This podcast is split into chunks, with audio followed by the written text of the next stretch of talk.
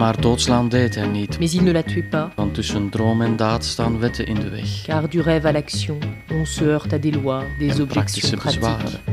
Als je dit met je lief tot een goed einde kan brengen, de vertaling van de meest afschuwelijke afrekening van een relatie, moet het wel snor zitten, niet? Zot van Elschot met Padone. Een ellendige voorjaarsavond die de dapperste van de straten veegt. Ik loop een Antwerps boekenantiquariaat binnen dat aarzelt om de deuren te sluiten. Schud me droog, de druppels vliegen in het rond tot de handelaar me in het vizier krijgt. Ik lach betrapt. Goed, van de nood een deugd maken, even rondkijken. Het is Elschotjaar, de man is 60 jaar dood. Maar wat betekent die überhaupt nog, behalve een chic excuus voor de gefortuneerde tafelgasten van het jaarlijkse kopieuze diner van het Elschot-genootschap? Tenminste, als er geen pandemie losbreekt. Toch maar even kijken in dit naar ontsmettingsgel ruikende boekenhol of Elschot hier nog wel ligt. Dat valt mee. Je kan kiezen tussen een paar lelijke schooledities van Kaas, een uitgewoond exemplaar van Lijmen, maar ook de hele serie van Polis, een mooie uitgeverij, die jammer genoeg ook weer verdwijnt. Mijn oog valt op Zwijgen kan niet verbeterd worden. Een boek met de ongebundelde teksten van Willem Elschot. 15 euro. Kopen of niet? Mijn zuinige ik roept: doorlopen, je hebt er al veel te veel. Kopen, verdomme, roept het gat in mijn hand terug. Nog eens ruiken, betasten. En dan valt mijn oog op een artikel van een Leidens antropoloog dat achteraan in het boek zit verfrommeld. Jarenlang, zegt hij, placht ik vertrekkende medewerkers het verzameld werk van Willem Elschot cadeau te doen. Tot de goedkope editie daarvan uit de handel genomen werd. Toen was dat afgelopen, want ik ben wel goed, maar niet gek. Waarom Elschot? Ik heb er altijd bij gezegd, gekscherend, maar evengoed in volle ernst. Elschot hoort bij je professionele vorming. En van zijn stijl en van wat hij te vertellen heeft, kan de antropoloog veel opsteken trouwens. Welke boefenaar van de sociale wetenschappen niet? Ik kijk naar buiten. De regen is gaan liggen. Ik reken af en loop door de straat met een boek en een idee. Ik zal Elschot voor de radio door een antropologische bril bekijken en mij afvragen wat wij van hem kunnen leren over de mens, over ons dus. Want wees gerust, gek zijn we allemaal. Nu, om eerlijk te zijn, dat idee had ik tien jaar geleden. Die boekwinkel rook helemaal niet naar ontsmettingsgel, want van COVID-19 was er toen nog geen sprake. Tien jaar geleden zonden we deze zot van Elschot al eens eerder uit. De volgende dagen praat ik met de grootste zotten van Elschot. Wat zijn boeken voor hen betekenen en vooral heeft het hen professioneel gevormd en wat hebben ze ervan opgestoken. Vandaag zullen we zien dat je dankzij Elschot vrouwen kunt versieren. Françaises zelfs. Bart van Loo zit niet alleen tot over zijn oren in de Bourgondiërs, maar ook in de Franse cultuur. En dankzij Willem Elschot raakte hij dus aan een Française. Hoe dat zit, vraag ik hem later. Je moet niet met de deur in huis willen vallen. Bart van Loo en ik zijn op stap in de Verdussenstraat. Daar woont Jan Maniewski, de beroemdste kleinzoon, de chip van de gelijknamige novelle. Op nummer 8.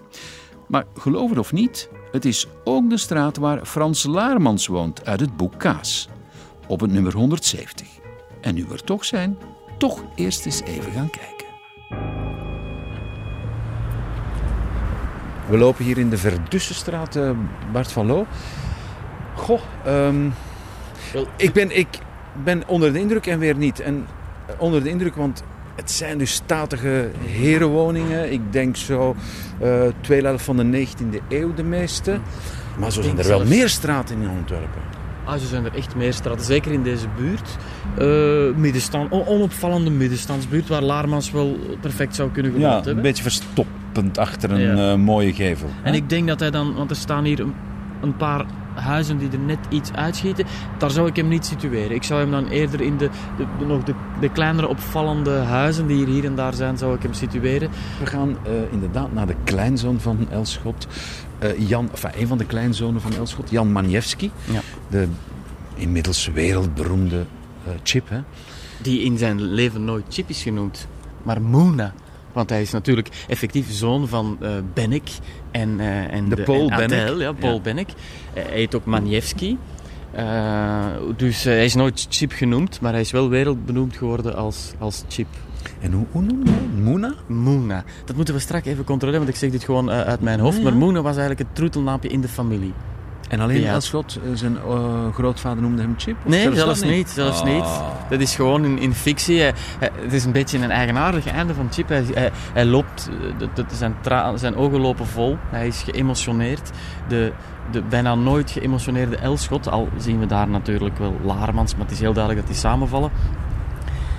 Sinds dat Mormel in mijn huis verscheen, hè, is er een einde aan ons rotte gebracht. En ik ga samen met hem naar de gouden hoogte waar de leeuwerik uh, hangt en zingt. En, en, en ja, ik denk dat hij dat niet had kunnen voorlezen zonder dat de tranen hem ook letterlijk uit de ogen sprongen. En dan ziet hij, begint een nus te chippen en zegt hij: Chip.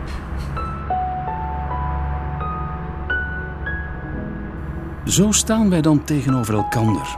Hij heeft oogjes en een neus als een doodgewoon kind, maar ik weet wel beter.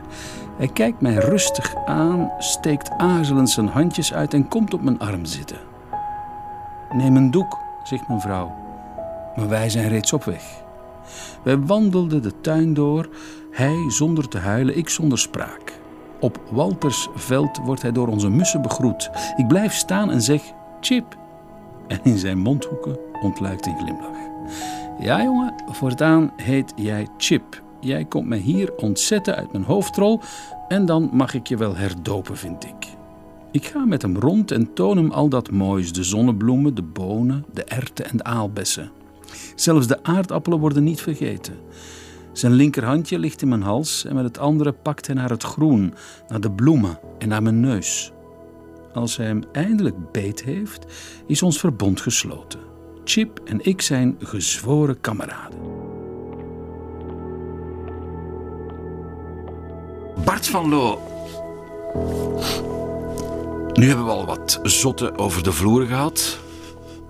Um, maar mm, ik denk dat, dat jij tot nu toe de kroon spant. Jij bent de enige uh, die ik te gast heb, uh, die eigenlijk dankzij Elschot een lief heeft uh, opgescharreld.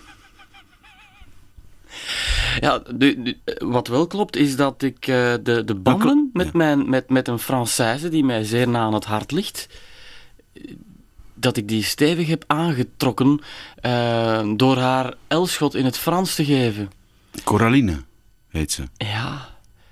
Pat, ik weet niet of jij al een, ooit van doen hebt gehad met een Franse minares. Of een, als je ooit een, als je wilt, een buitenlandse dame, Elschot is vertaald in alle wereldtalen.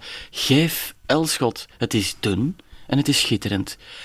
En het is ongelooflijk. Zij is helemaal door de knieën gegaan. Zij is beginnen praten, beginnen ratelen. Wij zijn samen op pad gegaan. En Elschot heeft mij dichter bij mijn lief gebracht, ja.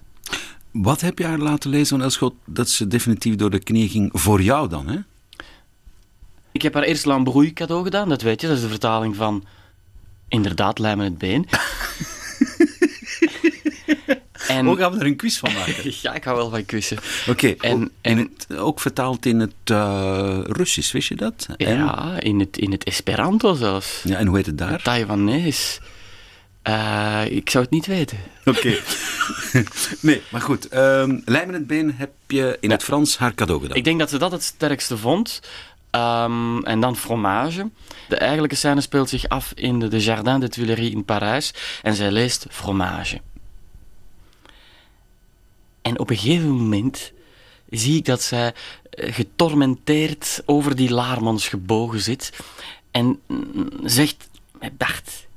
Qu'est-ce qu'il va donc faire avec ces 20 tonnes? Wat gaat hij in godsnaam met die 20 ton doen? Kaas. Ik zeg, ja, dat, uh, ja die Edammer natuurlijk. Ja, dat, dat, dat, verder lezen. Netjes het boek uitlezen. En ze houdt het niet uit. En dan gebeurt er iets wat, wat ons ook een, een van onze eerste functie ruzies heeft opgeleverd. Um, voor mijn neus. Live gaat zij gewoon naar het laatste hoofdstuk. En doodgemodereerd, alsof het de normaalste zaak ter wereld is, leest zij het laatste hoofdstuk van Kaas. Om te zien hoe het afloopt. En ik schiet in een Franse colère. In de Jardin Tuileries is dat ook wel gepast. Ik zeg, maar dat kan niet. Dit is heiligschennis. Je kan toch niet zomaar op het einde een boek gaan lezen om te zien hoe het afloopt. En, en wij maken dat, ze, zij roept terug, ze zegt, ja, maar je moet helemaal niet zeggen hoe ik een boek lees. Ik mag een boek, ik mag erin grasduinen, ik mag het lezen waar en hoe ik het wil. En bovendien zegt ze, dit is een test. Dit is de ultieme leestest. Ik weet nu dat hij, hoe het afloopt. En ik ga nu gewoon verder op het punt waar ik gekomen ben. En als ik het nu echt nog verder ga uitlezen, dan is dat bewijs geleverd dat Elschot een grote meneer is. Dat het grote literatuur is. En ze heeft het helemaal uitgelezen. Zelfs meer. Ze heeft nadien Fromage naar vijf bevriende schrijvers opgestuurd. Samen met Lambrouille.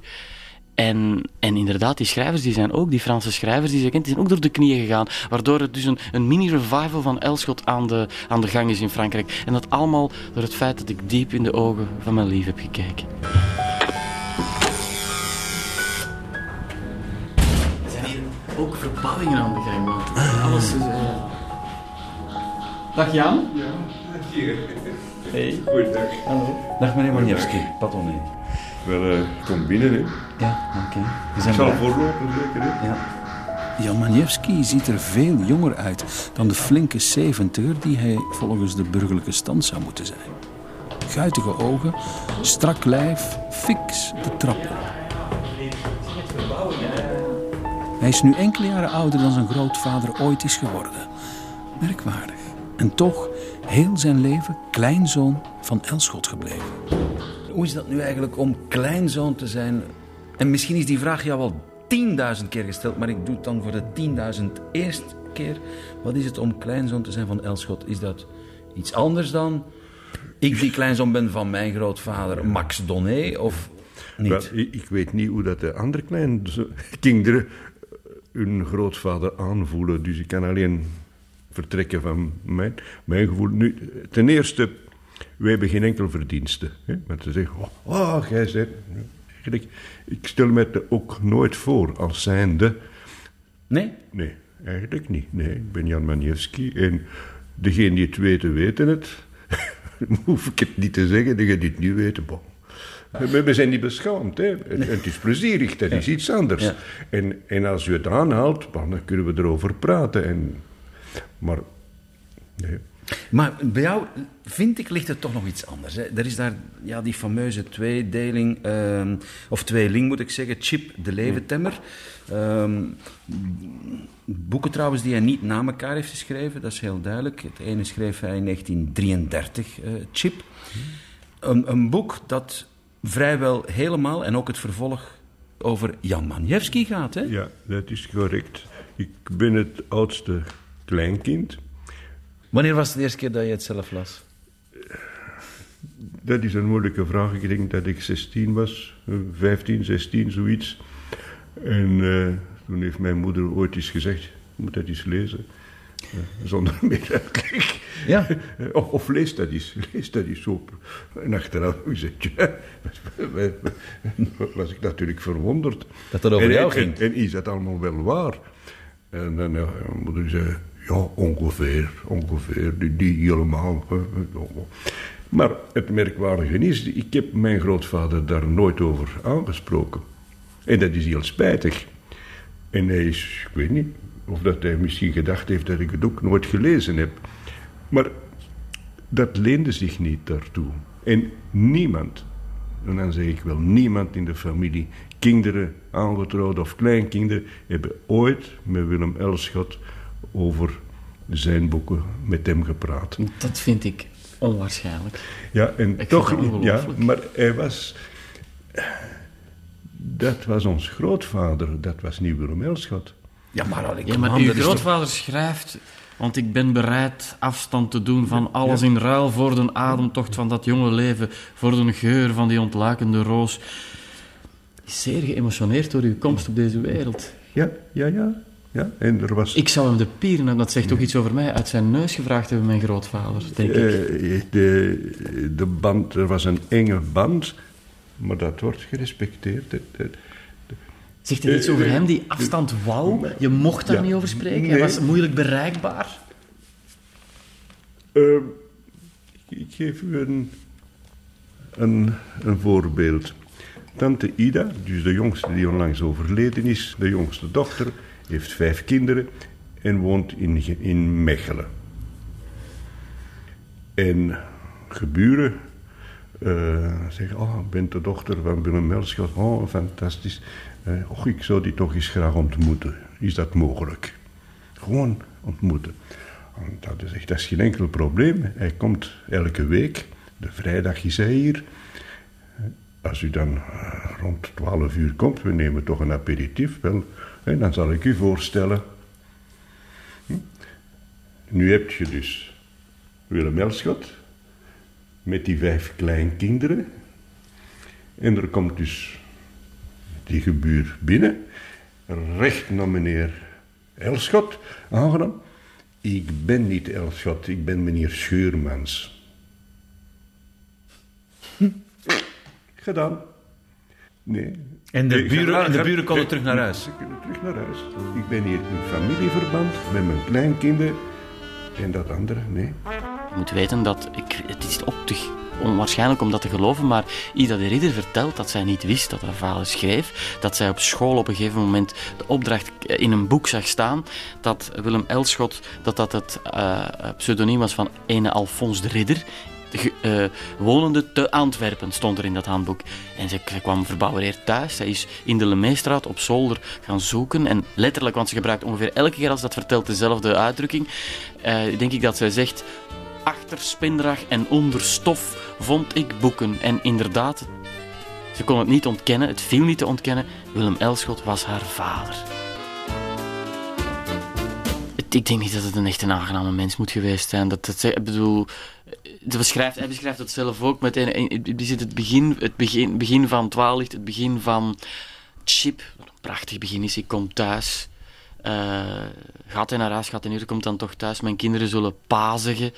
Eh, als een vreemdeling zit hij daar. Hij zal nooit eens, eh, een, op de, de vader zal nooit eens, schrijft hij zelf, een schouderklop geven en vragen hoe is het met u. En de, de liefde in zijn, in zijn uiveren komt ook niet echt aan bod. Het, ik weet niet of hij echt de grote liefde ook heeft gekend in zijn leven, voor zover dat dat bestaat, hè, de grote liefde, want we schermen daar natuurlijk vaak mee. Ehm, maar Hoewel hij eigenlijk vanaf zijn negentiende tot eh, zijn dood altijd bij die Finnen is gebleven. Hè? Ja, en dan denk ik, de, eh, met, met Sartre sprekende, les sentiments se construisent par les actes. Als er dan één grote liefde in zijn leven is, dan moet het dan toch Finnen geweest zijn. Hij is er dan toch maar bijgebleven. Al zitten we in een tijd waar het niet anders kon, natuurlijk. Eh, dat, dat is heel dubbel. We kunnen ons dat nu in 2010 moeilijk indenken. En hij, hij moet in ieder geval uit die gouden kooi ontsnappen. Verzint Willem Elschot. En verzint ook, hij verzint hij niet, hij ontmoet ze. Er zijn een aantal minaressen waar hij mee afspreekt. Eh, dat is bekend. Er is er één die zich ondertussen ook geout heeft. Ehm, Lianne Bruiland. ja, voilà. Hij had dan een, een ingenieus systeem. In, in die tijden die van gsm verstoken waren, liet hij briefjes aankomen in het Hof ter Beke, eh, vlak bij de Lemeestraat. Eh, dus op die manier probeert hij het, maar ook denk ik dat... Hij had wel één minares, volgens die Lejan Bruilands, die hij al 30 jaar had. Maar ja, dat is een... een, een, een daar weten kunnen we verder niets over zeggen. Ja, want hij wist zijn sporen eigenlijk vakkundig weg. Hè? Ja. Er is... Van Lianne Bruilands, eh, daar zijn wel wat eh, briefjes van overgebleven, hè Bart? Ja, inderdaad. Die heeft, die, die- zij heeft die, eh, die, die zijn be- in het boek van Martin Kuit zijn die naar boven gekomen. En, ehm, maar die zijn ook, vind ik, die zijn heel zakelijk. Ja, maar laten we, gaan laten we zo eens eentje eh, voorlezen. Eh, Je hebt het in je boek ah, ja, voilà, ik, ik heb er inderdaad. eh, maar dat, dat, dat, zijn, dat, zijn, dat zijn eigenlijk vooral. Ze communiceren over hun communicatie. Ja. Van hoe, hoe, hoe, ga, hoe komen we met elkaar in contact? Bijvoorbeeld, hij schrijft in wellicht 1951, denkt men: Het is beter mij niet meer te telefoneren. Hebt gij mij iets te zeggen? Telefoneer dan naar 746 81, Hof ter Beke, Mark Gravelijn 90, over de kerk. En vraag naar madame aan wie gij de boodschap kunt afgeven. Gij kunt daar ook een briefje bezorgen, zelfs per post. Een en ander het liefst twee dagen vooruit, opdat ik u nog zou kunnen waarschuwen indien ik verhinderd mocht zijn. Ja. Dat zijn de liefdesbrieven van Alfons de Ridder. Hoe beredeneerd, hoe afstandelijk kun je zijn. Hè? Ook in Ja, je overspel. Dat klopt, maar ik denk niet dat hij... Dat hij, hij, hij zou, hij zal nooit een passionele brief hebben durven eh, versturen. Dat, dat, dat, dat, denk ik niet. Uit angst? Ja, uit angst Om- dat het uitkwam. Ja. En de vraag is ook of hij echt wel een passionele inborst had, natuurlijk. Eh, Hoe noemde hij de, de, de meisjes in de stad? Rattekes, hè? Rattekes. Rattekes. Hij kon geen rock zien, of hij ging de Rattekes achterna zeggen, mensen die het kunnen weten. En hij schrijft ook zelf... Er is ook één anekdote bekend wanneer hij op de Keizerlei op café zit met zijn vrouw. En er zit een zwarte schoonheid waar hij, hij verzinkt helemaal in de ogen van die zwarte schoonheid. En zijn vrouw zegt, zeg maar, we- oude zot, wat, wat is dat nu? En die dame komt dan helemaal langs en hij staat dan ook recht om ze voorbij te laten gaan. En hij zegt aan zijn vrouw, dit is een, dit is een buiging voor de schoonheid. Ehm, en wie was dat? Dat was, dat was Juliette Greco. Juliette Greco. Juliette Greco, wat hij niet wist dat het Juliette Greco was. Maar wat ik ook En in hij mijn was, boek probeer- inmiddels, hij was inmiddels al 70. Ja, dus Zijn vrouw zat erbij. Dat brengt ons, Bart van Loo, tot eh, wat helaas de evergreen is van eh, Elschot. En wat we ook elke eh, aflevering weer meenemen, namelijk het huwelijk. Hè? Ja. Dat gedicht uit 1910. Wel ja, ja, het huwelijk. Het huwelijk. Daar kunnen we wel het een en ander over vertellen natuurlijk. Hè. Om te beginnen, Bart van Loo, dat jij het vertaald hebt samen met je vriendin Met Coraline, ja. Ehm, in het Frans. En ja, in het Frans. Le mariage.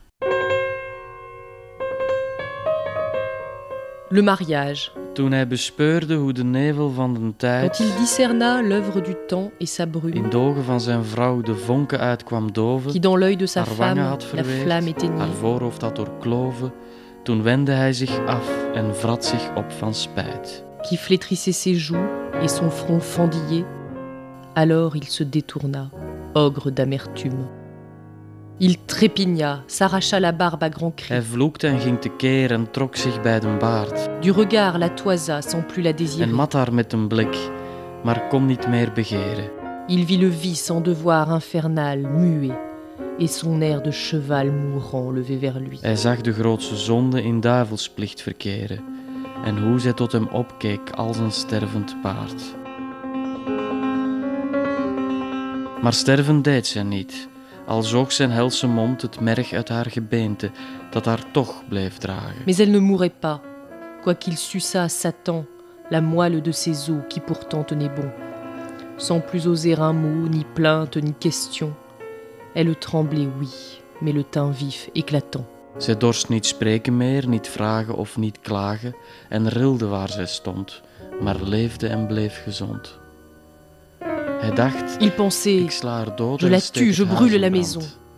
Je lave mes pieds, raidis, moisis, il le faut. Je traverse le feu et puis je fends les flots jusqu'à quelque autre lieu et une autre passion. Maar doodslaan deed hij niet, want tussen droom en daad staan wetten in de weg en praktische bezwaren. Mais il ne la tuait pas, car du rêve à l'action, on se heurte à des lois, des objections pratiques. En ook weemoedigheid die niemand kan verklaren en die des avonds komt wanneer men slapen gaat. puis à cette langueur que personne n'explique, et qui au coucher de chacun prend possession. Zo gingen jaren heen. Ainsi De kinderen werden groot en zagen Les dat de man die zij hun vader heette, celui-là qu'ils appelaient leur père, bewegingloos en zwijgend bij het vuur gezeten, feu, een god vergeten en vervaarlijke la désolation même, un homme terrifiant.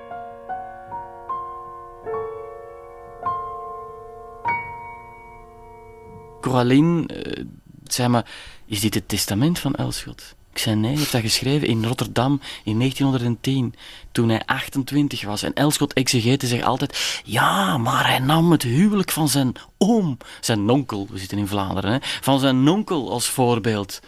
Dat is onzin volgens mij. Dit is de jonge Elschot die al helemaal begrijpt dat hij vastzit in een verhaal, dat hij als Laremans verloren is gelopen in een verhaal waar hij het liefst uit wil ontsnappen. Ce soir, nous sommes septembre et j'ai fermé ma chambre. Le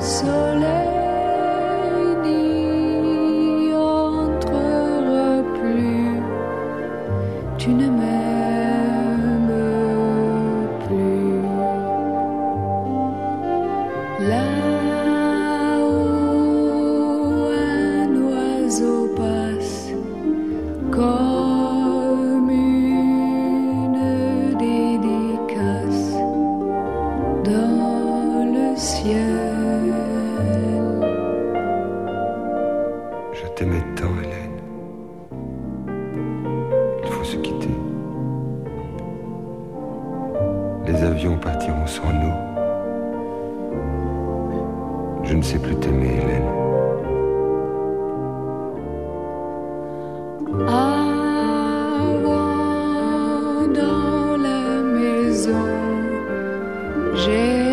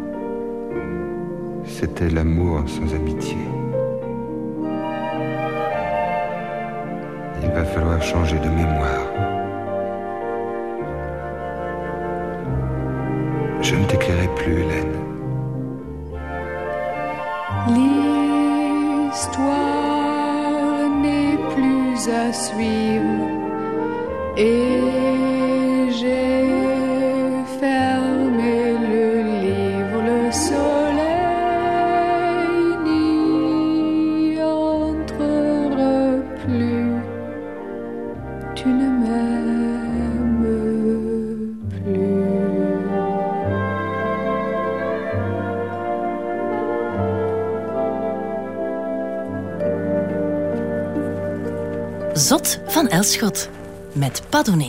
Zie je niet Pat, dat het hier een, eh, toch wel heel uitzonderlijk is? Die, je hebt die knot, wil je. De, de omzoomde beken die je hier hebt. Eh, de eiken. Het groen. De chif, het gechifchaf in de bomen. Fransen kunnen zeggen, wij hebben Père Lachaise. Antwerpenaren kunnen zeggen, wij hebben het schoonste lof. Dat, dat is toch een beetje chauvinistisch. Hè? Meneer Manjewski, ook- misschien is, ben jij niet echt de mens om het er eh, tegen te Ja. spreken, want je bent ook een Antwerpenaar of een Ja. Antwerpenaar. Ze zeggen van Antwerpenaren dat ze een dikke nek hebben, maar wij weten tenminste waarom. Hè. Dus, eh, Nee, laten we eerlijk zijn, het is inderdaad een, een majestueus nee, het is kerkhof. Het is, het is dat hier Ja. Het is, is buitengewoon. Het is een natuurpark met hier en daar En, een... ziet je in dat groen, in die bomen. Het is eigenlijk een natuurpark met hier en daar een, een graf.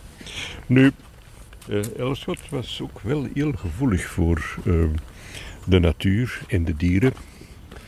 Eh, en dan gaat je begrijpen waarom ik dat bommetje geplant heb. Heb je een boompje geplant? Je zult zien. Hmm. Een treurberk. Bij het graf van je grootvader? Bij- ja. Oké. Kijk maar.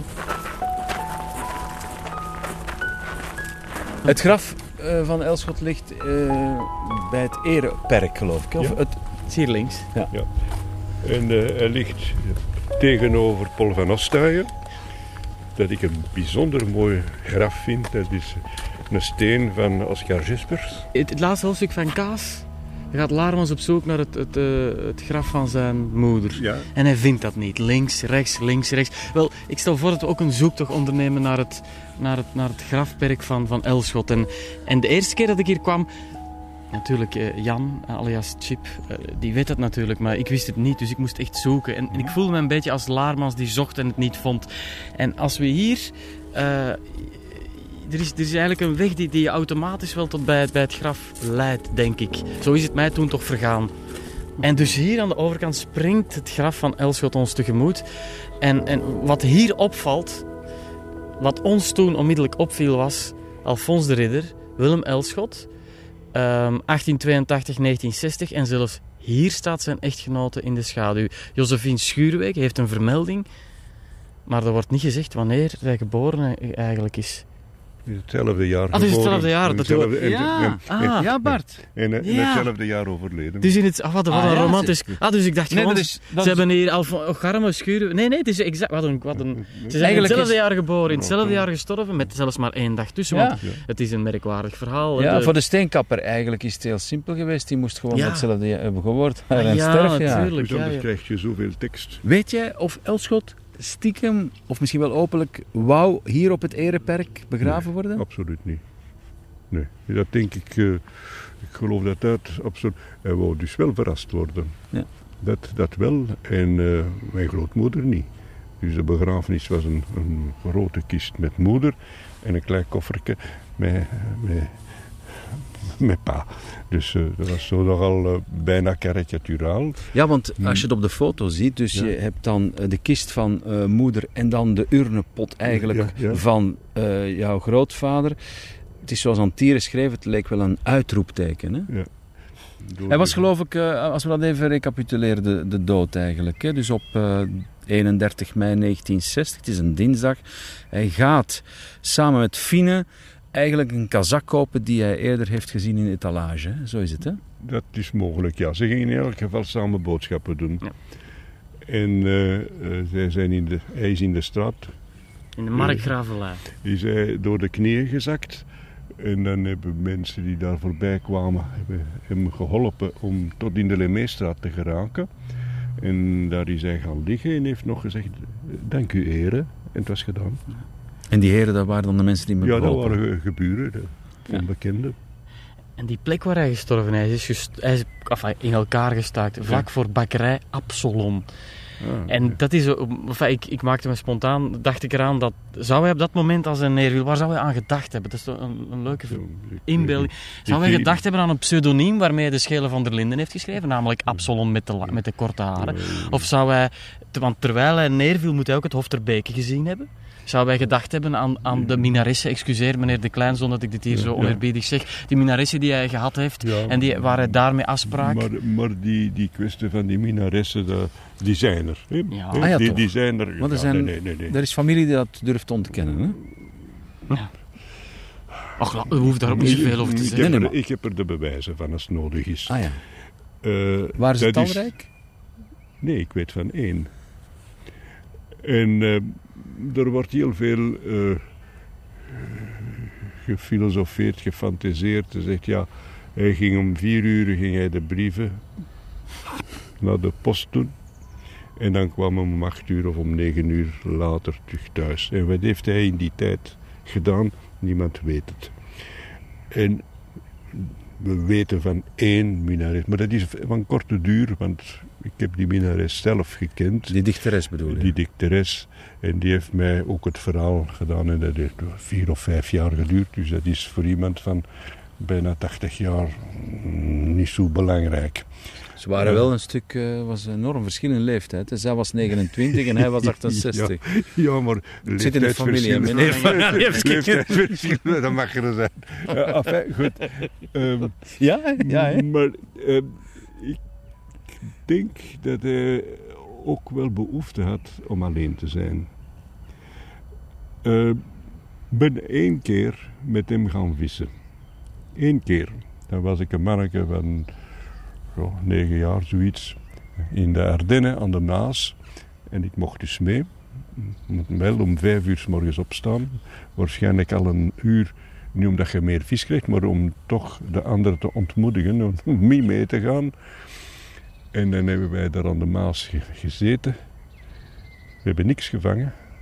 Alhoewel dat er andere vissers regelmatig vis ophaalden. En eh, ik heb dat natuurlijk niet begrepen. Ik ben ook nooit meer terug geweest, want dat is natuurlijk heel vervelend. Je, je zit daar, je mag niks doen, je mag, je, niet rondlopen, want je jaagt de vis weg maar, eh, eh, en hij vangt niks. Hè. En hij zat gewoon onder een boom. En eh, ik heb hem toch verschillende keren gezien als hij ontrustte. Dan is hij eigenlijk regelmatig aan het mompelen. Dan is hij met woorden aan het spelen.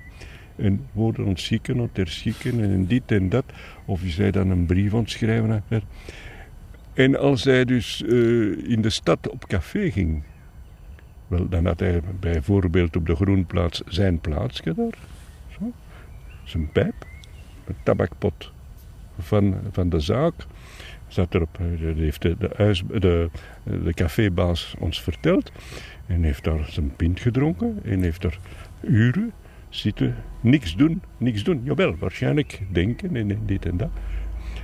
Eh, dus die had werkelijk rust nodig. Eh, ja, En, en, en eigenlijk gebeurt er weinig. Men moet dus niet denken dat hem al die uren van één café naar. Ik heb mijn grootvader nooit dronken gezien. En het is ook iemand van weinig woorden, hè? dus die, die vertelt niet veel. Als hij bezoek kreeg en mijn moeder was aanwezig, eh, dan moest zij altijd piano spelen en ook liederen zingen, liederen van Schubert. En tante Tida vertelde mij onlangs, zegt, jij weet toch waarom Adele piano moest spelen als er bezoek kwam. Dan moest hij niks zeggen. Hmm. Voilà. Dat is opgelost.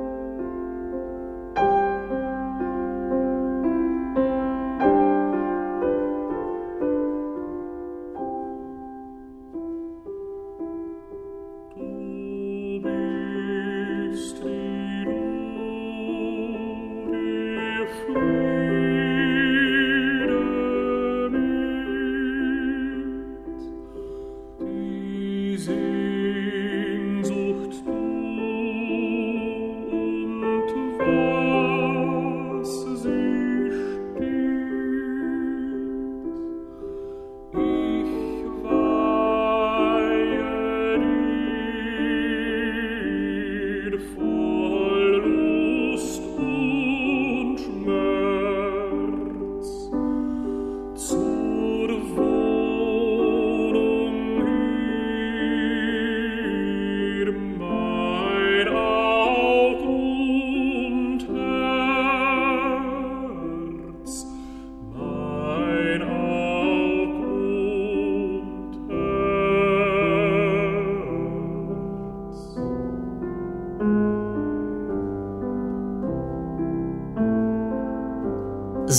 Van Elschot. Op de begraafplaats Schoonselhof ligt niet alleen Elschot, maar ook zijn moeder, Adèle van Elst. Hoe belangrijk zij is, blijkt uit de gedichten. Hij liet er 22 publiceren en bijna een kwart ervan is aan de moeder gewijd. Ze zijn van een gruwelijke tederheid. Ik zie uw knoken door uw kaken steken en diep uw ogen in het hoofd gedrongen. En ik ben gans ontroerd en kan niet spreken wanneer gij zegt: Kom, zit aan tafel, jongen. Kaas eindigt hier op Schoonselhof eigenlijk, als Laarmans, Elschots alter ego, een bezoek brengt aan het graf van zijn moeder, of beter gezegd van zijn ouders. Dat einde echoot met het begin van de roman en met die meesterlijk eenvoudige zin waar Kaas mee begint: Je moet weten dat mijn moeder gestorven is. Luisteraars aan de andere kant van de radiofonische golven die al wel eens een boek gelezen hebben, denken bij de zin: Je moet weten dat mijn moeder gestorven is, onmiddellijk aan. Aujourd'hui, maman est morte, ou peut-être hier, je ne sais pas.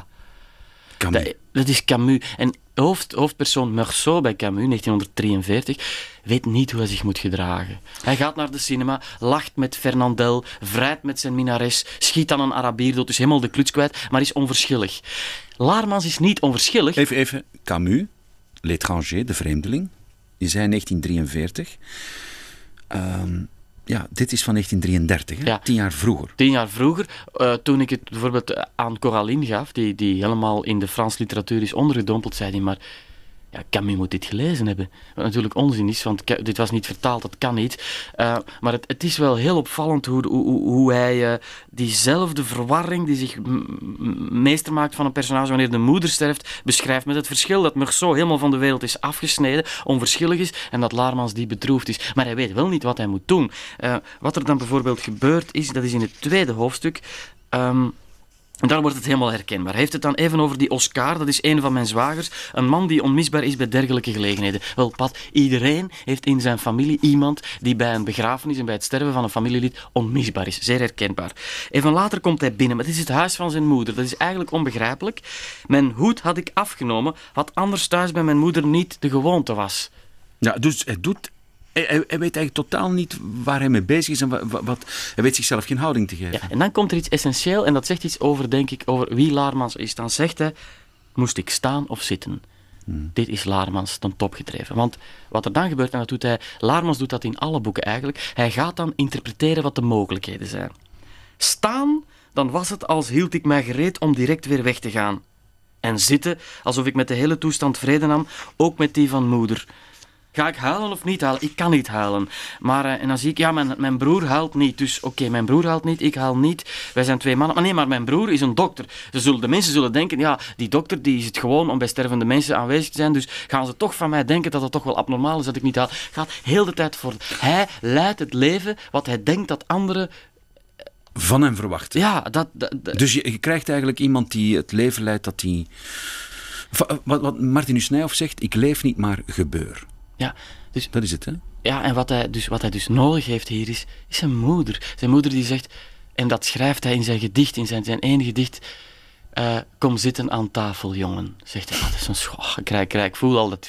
Die moedergedichten zijn echt wel werkelijk zeer, zeer, zeer fantastisch. En dat, heeft hij, dat mist hij hier. Iemand die zegt: Zet uw nood af. Ja. Ga zitten, jongen. Ga zitten. En dat heeft hij niet. Dus hij heeft geen moeder en, hij gaat, en dat mist hij. En dan, om die, die moeder valt weg, hij heeft die sociale minderwaardigheid en hij gaat zich helemaal in die kaashistorie storten. Dat mislukt natuurlijk. Waar gaat hij op het einde naartoe? Hij gaat naar het graf van zijn moeder. Daar komt hij terecht. Maar dan gebeurt weer hetzelfde. Want dan staat hij bij dat graf en dan, komt hij, dan gaat hij een, een, een bos chrysanten kopen. En dan schrijft... En, oh, dat is zo'n mooi zinnetje, Pat, want het is een geweldige zin. Die moet ik, dan schrijft hij in die bloemenwinkel en al beloerde ik de kleine, toch heeft hij, de verkoper, mij de grote verkocht. En wel twaalf stuks. Dus zelfs daar. Hij kan eigenlijk niet beseffen, hij kan niet zelf beslissen of, eh, wat voor soort bloemen, Bloemen, en hoeveel hij koopt om het graf van zijn geliefde moeder te gaan leggen. En dan, dan komt hij op dat kerkhof en hij vindt het graf niet. Hij vindt dat graf niet en dan schaamt hij zich. Die schaamte die hij altijd heeft, want wat zullen de mensen wel denken? En dan ziet hij een dame en die dame, die- dan denkt hij, wat moet hij nu wel denken dat ik hier met mijn chrysanten dat, de, eh, de- heel dat kerkhof lig uit te kammen. Maar we hebben een plannetje en het zou moeten zijn vlak I, dus Y, rij 5. Wij op zoek naar vlak, bent- vak I, rij 5. Want eh, in, in, in kaas zegt hij, als je dus de hoofd Ja, allee neemt, Ja. is het de vierde rechts en dan de tweede links. Maar, eh, Maar we gaan dat doen, hè, Jan? eh, gaan we dat doen? Ja. Ik weet niet of we We dat gaan, hoofd, geraken. we gaan naar de hoofdweg. Eh, Ik vrees dat het dan zoals het dwaallicht wordt. Dat is mijn idee daarover. Maar dat is opvallend. De, de, ik, weet, ik denk dat het de tweede rechts is en de eerste links die hij zegt in het laatste dan, hoofdstuk ja. van Kaas. En dat is exact dezelfde wegaanwijzing die hij geeft in het Dwaallicht. aan. Die je zegt Ja, van eh, eerste rechts, tweede... Net hetzelfde. dus de, de- weer die inside joke waar we het er straks over Allee, hadden. wat kiezen we nu? De vierde of de tweede? Want dat is al een Ik stel discussie. voor dat we het verzameld werk, die, die 1302 gram, even uit mijn rugzak tillen. Oké, oké, dat is goed. Alright. Dat is leuk. Kijken. Dus nu zitten we bij ehm, kaas, hè? Het, het toeval wil dat ik dus vorige week hier nog aan het graf een beetje ja, onkruid heb weggedaan. En toen dacht ik aan, aan het graf van, van mijn overgrootmoeder. Ik zeg, ja, eigenlijk moet dat hier ergens zijn. Want ik herinner mij goed, als klein manneke van een jaar of zes, zeven... dat ik één of twee keren met hem naar het eh, graf van zijn moeder... Dat zei mij natuurlijk niks, want ik heb die moeder nooit gekend. Zij, zij was overleden toen ik geboren ben. En hij had bloemen bij. En hij heeft toen ook een klein beetje moeten zoeken. Dat weet ik nog. Voilà, hier. Want dit Ja? is de tweede links en het einddoel is bijna in zicht. Dit komt uit het dwaallicht. Dus de zoektocht naar het graf van Laarmans is een beetje hetzelfde als de zoektocht van de Afghanen naar Maria van Dam. En dus herhalen we Elst. hoofdweg en dan Derde zeil aan rechts, tweede laantje links. derde rechts, tweede links. Ja. En naar wie gaan we nu? Naar, naar, Dijlen. naar, naar Van Adela. Dam? Naar Van Dam? Nee, Maria van Dam, nee. Hoofdlaan, oké. Het kerkhof is een onafzienbare geschiedenis, verdeeld in egale lanen, die slechts door de graven van elkander te onderscheiden zijn en dan nog alleen voor een geoefend oog. Hoofdlaan, derde zijlaan rechts, tweede laantje links. Hier ergens moet het zijn. Ik ga langzamer in de richting van een zwarte paal die een eind verder staat. Waar is in hemelsnaam dat graf naartoe? Het ligt aan de linkerkant, dat weet ik zeker. Waar is in hemelsnaam dat graf nu naartoe? Ja, ja. Het ligt aan de linkerkant, dat weet ik zeker, schrijft Laarmans. Familie Jacobs de Preter. Mm, Mejuffrouw Johanna Maria van de Velde. Aan ons geliefd dochtertje Giselle. Het angstzweet breekt mij uit.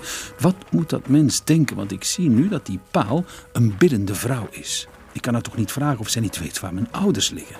En wat moet ik beginnen als ik hier plotseling een van mijn zusters ontmoet? Die merkt natuurlijk dat ik op zoek ben naar ons graf. Want wat zou ik hier anders met die bloemen lopen? Nu, als mij dat overkomt, leg ik ze op de eerste, de beste zerk en maak mij uit de voeten. Of ik zeg, zo, ben jij ook eens gekomen? Ik loop ingetogen met haar mee en kom er dan vanzelf. De familie de Ridder. Familie Onkelings de Ridder. Ja, maar dat is het. Onkelings de ridder, dat zal het zijn. Hier is het dus. Het is hier ongelooflijk rustig. Af en toe valt een druppel uit een kale boom. Hoed af. Minuut stilte. Ik kan gerust zijn. Die hier liggen hebben van mijn kaasgeschiedenis niets gehoord. Anders was moeder trouwens naar de gafpa gekomen om mij te troosten en bij te staan. Ik leg behoedzaam mijn reuze garf op de marmeren tafel, maak een soort buiging, zet mijn hoed weer op en trek mij terug. Dat is een echo van het begin wanneer hij bij het sterfbed van zijn moeder staat, waar hij ook met die hoed op en af een beetje ongemakkelijk staat te staan. Het is wel heel mooi hoe jij toch structureel ook die ronding, dat verhaal afrondt eigenlijk. En terwijl de ambulance ons op de achtergrond eraan herinnert dat eh, memento mori we allemaal zullen sterven, dus allemaal ooit eens in een graf terechtkomen, neem ik er even eh, een, een, een van die prachtige moedergedichten van Elschot bij. Hij heeft er vier geschreven. Ja, dit is het mooiste. Welk? Dit is het mooiste aan mijn moeder, maar ja, zo heten ze bijna allemaal. En, en daarin beschrijft hij iets wat universeel is, wat heel herkenbaar, herkenbaar is, namelijk de, wat ik zou willen omschrijven als de ongemakkelijke evidentie van moederliefde. Ik bedoel daarmee van wat je als kind, de liefde die je ervaart voor je moeder. En het zijn altijd dezelfde drie strofen die, als ik het voorlees, de emotie in mijn stem, in mijn keel stuwen. Voorheen, als we op oudejaarsavond vergaard, op moeders gezondheid eens dronken, heb ik steeds vol ontroering het zwijgen bewaard, maar kom helst u met ogen die blonken. En nu, als wij somtijds te samen weer zijn, het is nog alles hetzelfde lijkt vroeger. Dan praat ik van liefde, van vreugde en van pijn, maar ik durf u niet kussen als vroeger. Het zijn die laatste zinnen die zo mooi zijn. Maar ik omhelst u met ogen die blonken, maar ik durf u niet kussen als vroeger. En dan gaat hij, besluit hij, hebben elkaar in zo lang niet omarmd. Werd ik soms wat te groot of te schrander? Gij te dof en te oud. Is onze liefde verarmd? Moeder, zijn wij vervreemd aan elkander? Dit is mijn favoriet moedergedicht. Ik heb altijd een uh, innige liefde gevoeld voor mijn moeder en ook een grote bewondering. Wel, ik herinner mij een gedicht van u. Uh, de gedichten staan hier op het einde van de verzamelde werken. Een gedicht van u getiteld Spijt, moedergedicht. Wil u dat niet eens voorlezen? Jazeker, met het grootste genoegen. Dat duurt trouwens niet lang. Het is het laatste wat ik aan mijn moeder gewijd heb. De anderen die zijn 30 jaar ouder dan dit gedicht. En dat gedicht, dat is dus spijt. Dat in gemelijke grillen ik mijn dagen kon verspillen. Dat ik haar voorbij gegaan of een steen daar had gestaan. Dat ik heel mijn zondig leven heb gekregen zonder geven. Dat mij alles heeft gesmaakt.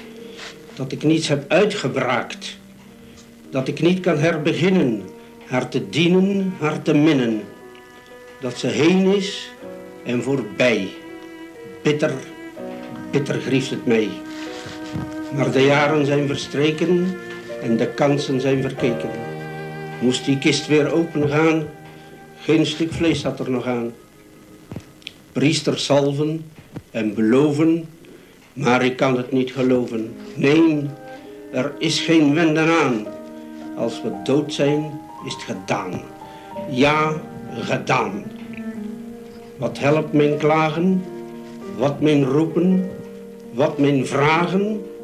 Wat ik bulder, wat ik zweer? Decho zendt mij alles weer.